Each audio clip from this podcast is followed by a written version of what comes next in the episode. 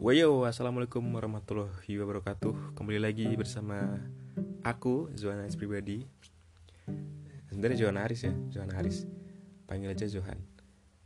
Aku di sini ingin ngobrol dengan kamu ya.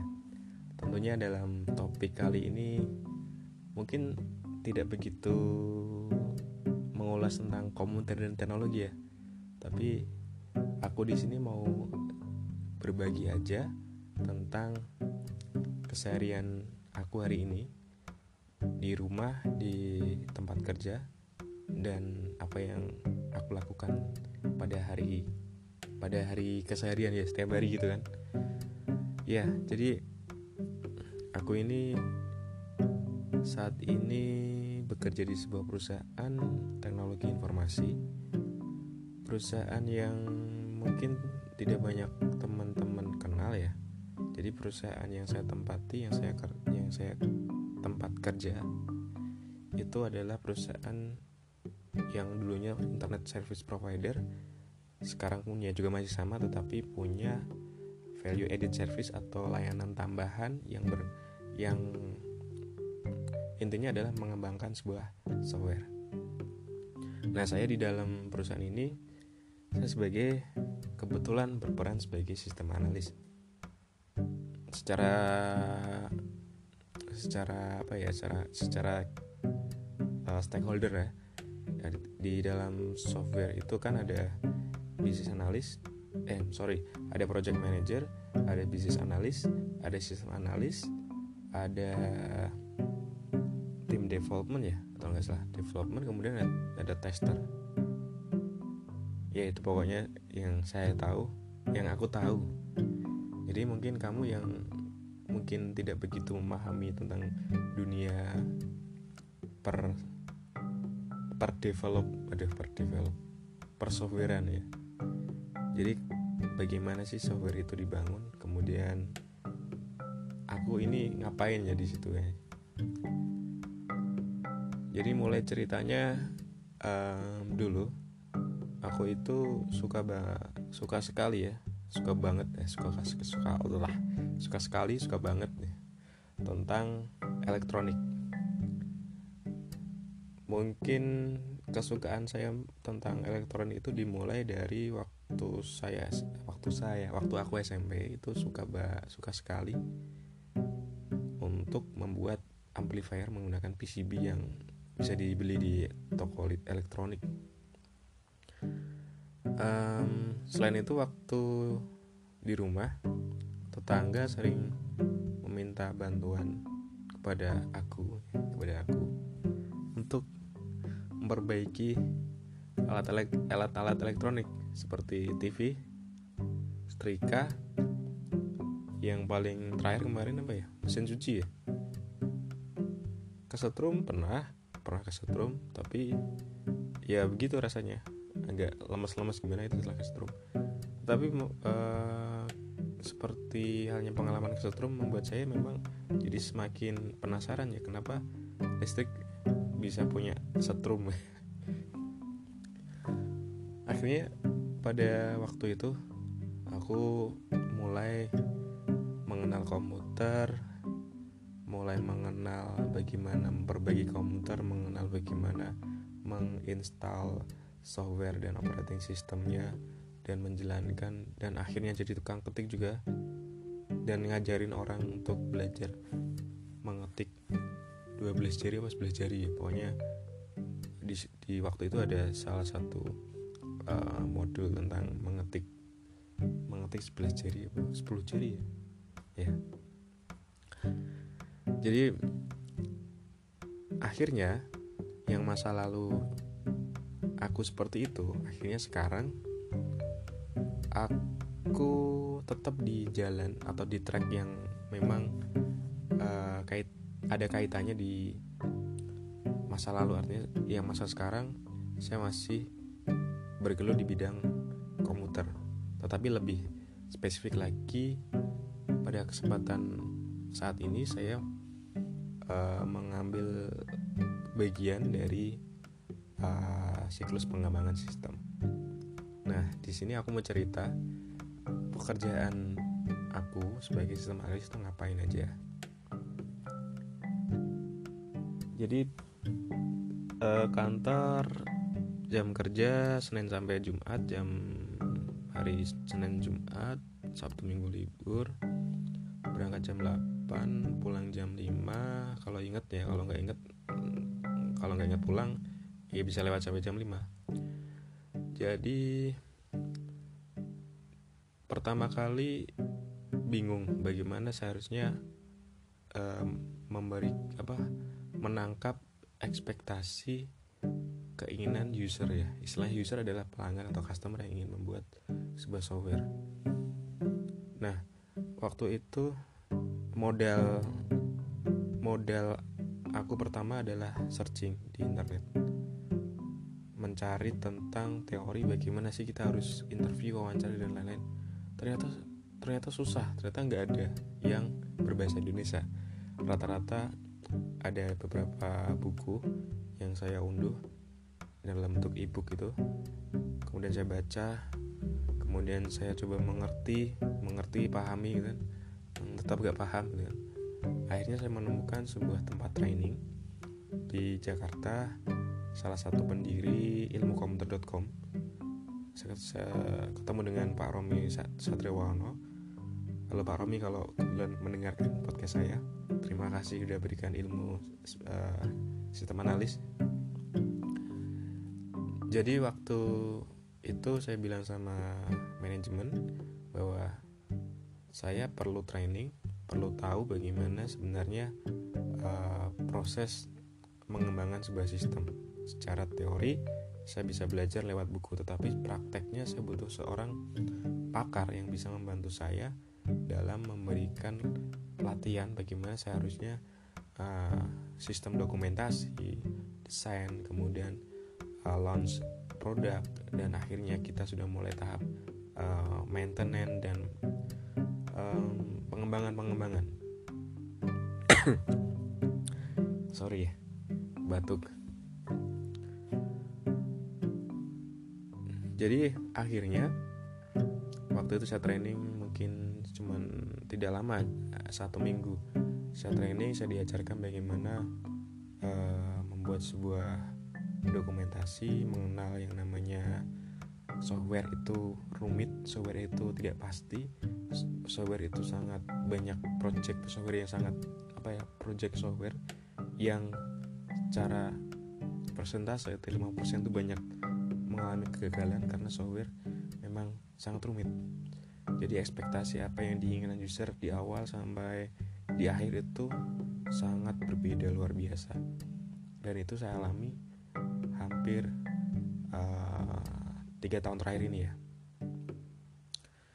Jadi uh, yang ingin saya share di sini adalah sebenarnya uh, terjun di bidang software atau terjun di bidang pengembangan software itu memang uh, butuh skill coding ya coding. Ya it, coding penting. Tetapi lebih penting bagaimana kita mengetahui kebutuhan user agar uh, produk yang kita buat atau fitur yang akan kita buat pada software itu sesuai dengan ekspektasi. Nah ini yang sangat ini yang uh, sangat susah itu di sini akhirnya waktu itu saya mulai ber, uh, belajar. Belajar belajar belajar dari praktek. Jadi ketemu dengan user kita ngobrol ngalor ngidul gitu kan. Akhirnya nggak ketemu pulang kita bikin report kemudian kita dokumentasi kita tawaran proposal. Nah yang terjadi adalah um, tahap di mana di situ ada layer layer layer layer jadi ketika kita ketemu dengan customer kita bawa pulang hasil meeting itu kemudian kita sampaikan kepada atau kita bikin sebuah dokumentasi sistem analis atau sistem request. Kita bikin uh, spesifikasinya apa aja kita mau developnya bagaimana kemudian deploymentnya juga kemudian kita menghitung costingnya kemudian uh, berapa lama timeline untuk mengerjakan software ini Nah, setelah kita sudah bisa temukan uh, perhitungannya itu, kita mulai tawarkan kepada pelanggan bahwa uh, software ini membutuhkan waktu sekian dengan kos sekian gitu. lalu sebenarnya apa yang diingin diharapkan seorang user uh, karena saya banyak sekali membaca tentang buku bisnis dan keuangan atau mungkin lebih banyak buku pengembangan diri ya? Jadi kita perlu menjadi apa ya? Hmm, empati. Tetap kita punya rasa empati ya empati. Jadi merasakan sebenarnya kalau saya menjadi seorang user itu bagaimana? Nah memposisikan se seperti itu uh, ternyata susah, susah ya. Karena uh, kita akan akan menjadi apa ya kita seolah-olah memaksa peran kita menjadi seorang user itu. Padahal kita belum tahu belum tentu tahu sebenarnya keinginan user itu seperti apa. Sampai sekarang pun kalau saya baca-baca di ilmu marketing uh, jadi untuk mengetahui keinginan user itu memang sangat sulit sekali tetapi uh, kita sebagai mungkin seorang tenaga pemasar ya marketing ketika kita bisa meyakinkan bahwa solusi yang kita berikan itu adalah solusi yang tepat bagi pelanggan pelanggan atau user user itu akan percaya dengan apa yang kita berikan. Ketika pelanggan percaya dengan apa solusi yang kita berikan artinya sebenarnya uh, itu hampir menyerupai atau hampir sesuai dengan ekspektasinya tapi sebagai seorang tenaga memasar atau mungkin saya sendiri yang sering ketemu dengan user-user hal seperti itu bisa bisa saja terjadi bagi user yang memang benar-benar memahami konteks masalah yang dihadapi. Tetapi sebenarnya banyak user yang terus terang tidak tahu keinginannya, tetapi ingin sesuatu yang uh, menurut dia itu butuh gitu kan. Jadi kalau ada kemarin saya baca buku di Gramet itu ada uh, need versus want. Jadi butuh uh, butuh dibanding dengan keinginan ingin ya jadi kalau orang butuh itu pasti mereka akan bisa menjelaskan sebenarnya apa yang dia butuhkan tapi kalau mereka ingin ya itu yang mereka butuhkan itu kadang masih menjadi bayang-bayang gitu. Jadi tidak begitu jelas gitu. Sebenarnya dari keinginan 1 sampai 10 itu sebenarnya yang dibutuhkan apa. User itu sangat ingin sekali memiliki sebuah sistem atau software itu yang komplit atau yang full atau yang full fitur ya. Semua fitur mau inginnya tampil semua. Tetapi sebenarnya uh, yang harus menjadi poin utama dalam software adalah bagaimana software itu atau sistem itu meningkat, apa meningkatkan profit atau meningkatkan keuntungan kemudian meringankan cost intinya ke situ.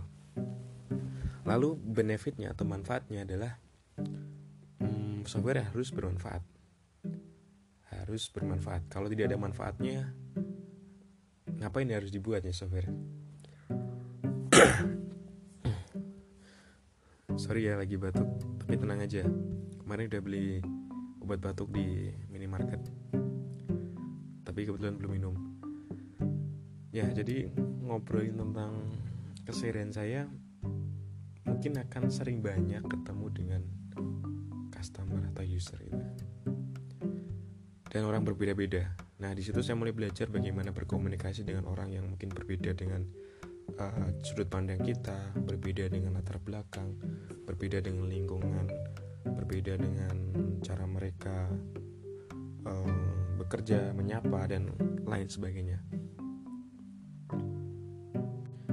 ya jadi tugas saya sebagai sistem analis adalah mewawancarai user kemudian bikin proposal solusi kan kemudian habis habis itu saya harus melakukan presentasi menjelaskan sebenarnya apa yang solusi apa yang kita deliver. Sorry solusi apa yang kita sampaikan atau kita ingin berikan kepada user.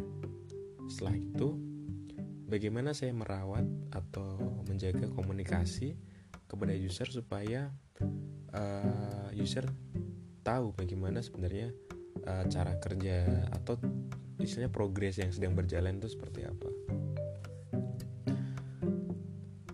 Jadi kalau teman-teman saat ini mungkin yang sudah bekerja atau mungkin saat ini masih kuliah dan sedang uh, mencari referensi sebenarnya kalau uh, kerja di, sebagai apa kerja di komputer itu apa aja sih? Banyak banyak sekali. Karena komputer ini ibarat apa ya sekarang sekarang kan terkenal revolusi industri 4.0 ya atau istilahnya apa ya revolution apa ya pokoknya revolusi industri 4 gitu revolusi industri keempat gitu. Jadi bagaimana uh, komputer yang dulu digunakan untuk menghitung sekarang sudah sangat luar biasa fungsinya. Jadi ibarat perkembangan teknologi itu sangat sangat cepat sekali. Jadi kita sebagai praktisi sebagai seorang yang mungkin bergelut di bidang IT kita harus tetap mengikuti. Karena kalau kita uh, sekali lagi kita tidak bisa kita berpatokan pada apa yang kita lihat pada masa lalu dan tidak bisa menyesuaikan pada masa kini artinya kita akan tergusur akan terdisrupsi tersapu oleh gelombang zaman ya. Sekarang sekarang banyak sekali anak-anak muda milenial itu bekerja tanpa harus mereka uh, bekerja dengan apa yang mereka sukai atau bekerja apa yang mereka mereka apa ya cintai gitu kan.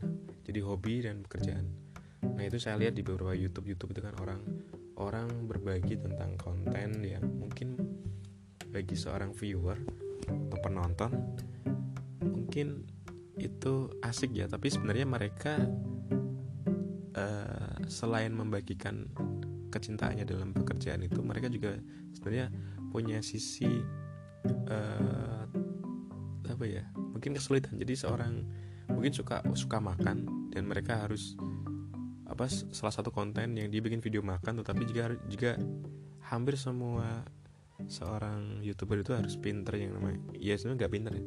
Setidaknya punya komputer dan bisa menggunakan software editing video. Paling nggak seperti itu. Lalu kenapa aku kok enggak gitu? Ya sebenarnya hmm, keinginan saya ada tapi uh, actionnya belum ada. Akhirnya memutuskan untuk membuat sebuah podcast. Podcast saya rasa mungkin tempat di mana uh, aku bisa bercerita kepada kalian atau kamu yang ada di situ yang yang mendengarkan podcast saya. Jadi pekerjaanku itu memang apa ya super setiap hari harus improve setiap hari harus meningkatkan pengetahuan tentang teknologi karena kalau tidak ya kita akan tertinggal gitu. Seorang sistem analis atau seorang bisnis analis itu setidaknya harus mengetahui apa ya uh, sebenarnya apa yang sebenarnya masalah yang dialami oleh user itu kemudian memecahkannya ke dalam solusi dan solusi itu diterjemahkan ke dalam sebuah sistem dan sistem itu dibuat dan jadilah sebuah software software cukup simpel ya kalau saya menjelaskan orang sebenarnya sistem itu apa sih software itu bagaimana Tiga instrumen utama dalam software system adalah input, proses, dan output. Inputnya apa? Prosesnya bagaimana? Outputnya seperti apa? Input dalam bentuk data bisa banyak, bisa numerik, bisa data apa ya, acak atau mungkin karakter yang apa banyak sekali data yang primer dan sekunder ya istilahnya gitu ya. Jadi bagaimana prosesnya? Jadi sistem itu tidak bisa memproses sesuatu yang tidak bisa disistemkan. Jadi ibarat uh, kata uh, sistem adalah uh, kumpulan dari proses yang proses tersebut adalah seperti halnya uh, kembali lagi ke komputer adalah proses seperti di aritmatika. Satu tambah satu sama dengan nol. Nah, satu tambah satu sama dengan dua. Atau satu satu tambah satu sama dengan sebelas. Nah itu yang dilakukan oleh sistem. Sistem tidak bisa melihat uh, perasaan user ya. Jadi kalau usernya itu apa usernya mungkin melakukan kesalahan atau istilahnya human error sistem juga menerima tidak menyalahkan. Karena yang salah adalah humannya bukan sistemnya. Makalah terjadi istilah human error jadi kesalahan pada manusia. Jadi yang pinter sebenarnya bukan sistemnya tapi manusianya bagaimana dia bisa mengoperasikan sebuah sistem. Uh, saya teringat pada waktu saya training dengan Pak Romi sistem analis ada adalah seorang senior programmer jadi setidaknya seorang sistem analis itu sebelumnya sudah pernah menjadi seorang programmer dan tahu tentang bahasa pemrograman tentang bagaimana coding-coding seperti itu ya. Nah, kebetulan saya atau aku ya saya aku itu latar belakangnya lebih banyak sebenarnya ke jaringan komputer.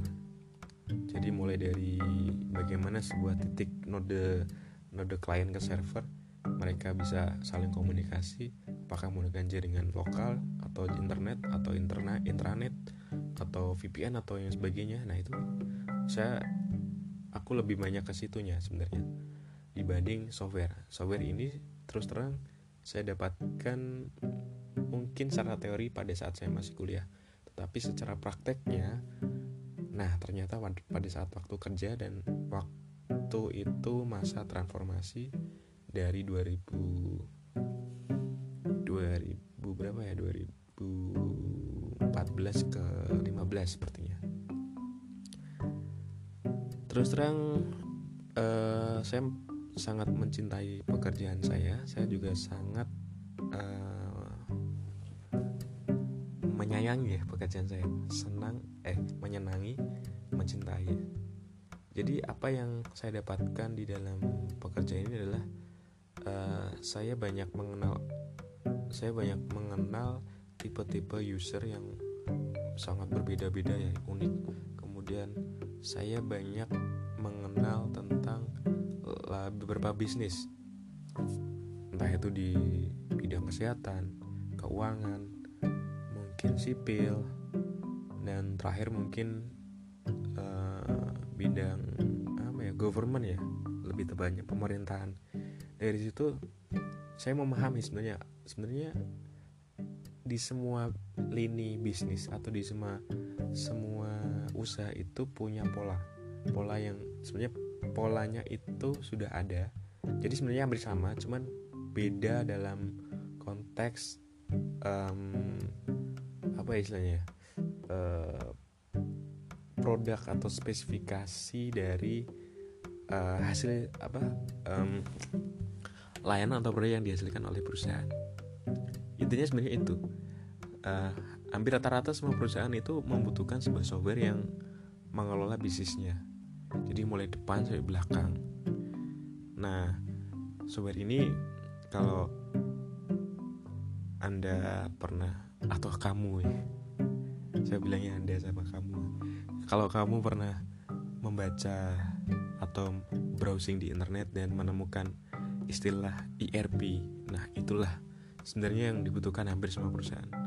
ERP uh, kepanjangan dari enterprise R-nya ada resource P-nya ada planning. Jadi bagaimana proses bisnis dari depan sampai ke belakang itu semuanya tersistem.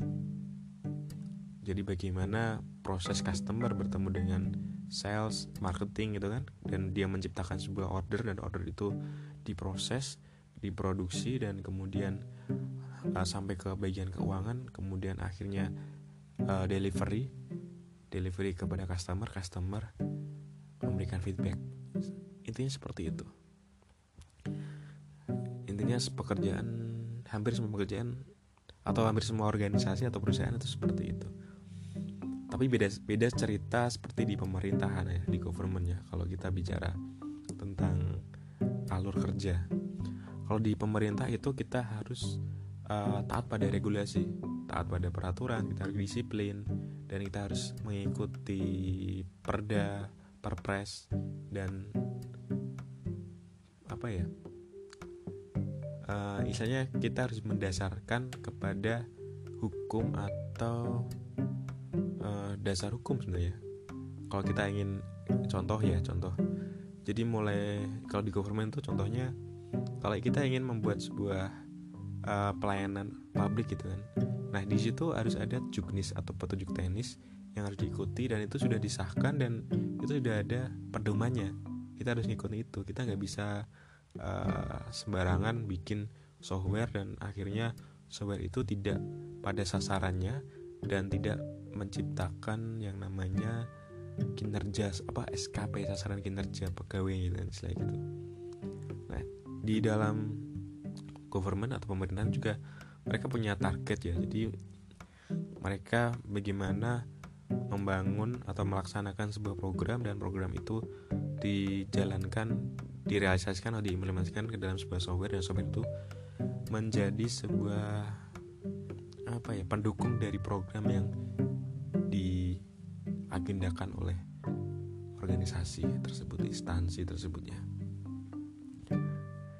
Ya jadi mungkin cerita tentang apa ya tentang pekerjaan aku di perusahaan yang sekarang itu seperti itu sepertinya jadi kamu kalau ingin menanyakan sesuatu hal kepada aku kirim aja lewat email di zonharis@gmail.com atau follow Instagram atau Twitter aku atau mungkin ingin melihat tulisan-tulisan saya saya bisa dikunjungi di zonaharispribadi.com jadi pertanyaan atau konsultasi silahkan. Gratis. Selama saya masih mampu untuk menjawab semua pertanyaan ya. Jadi kemarin saya lihat beberapa email itu wah banyak sekali. Akhirnya mereka teman-teman yang pada email itu WhatsApp ke saya.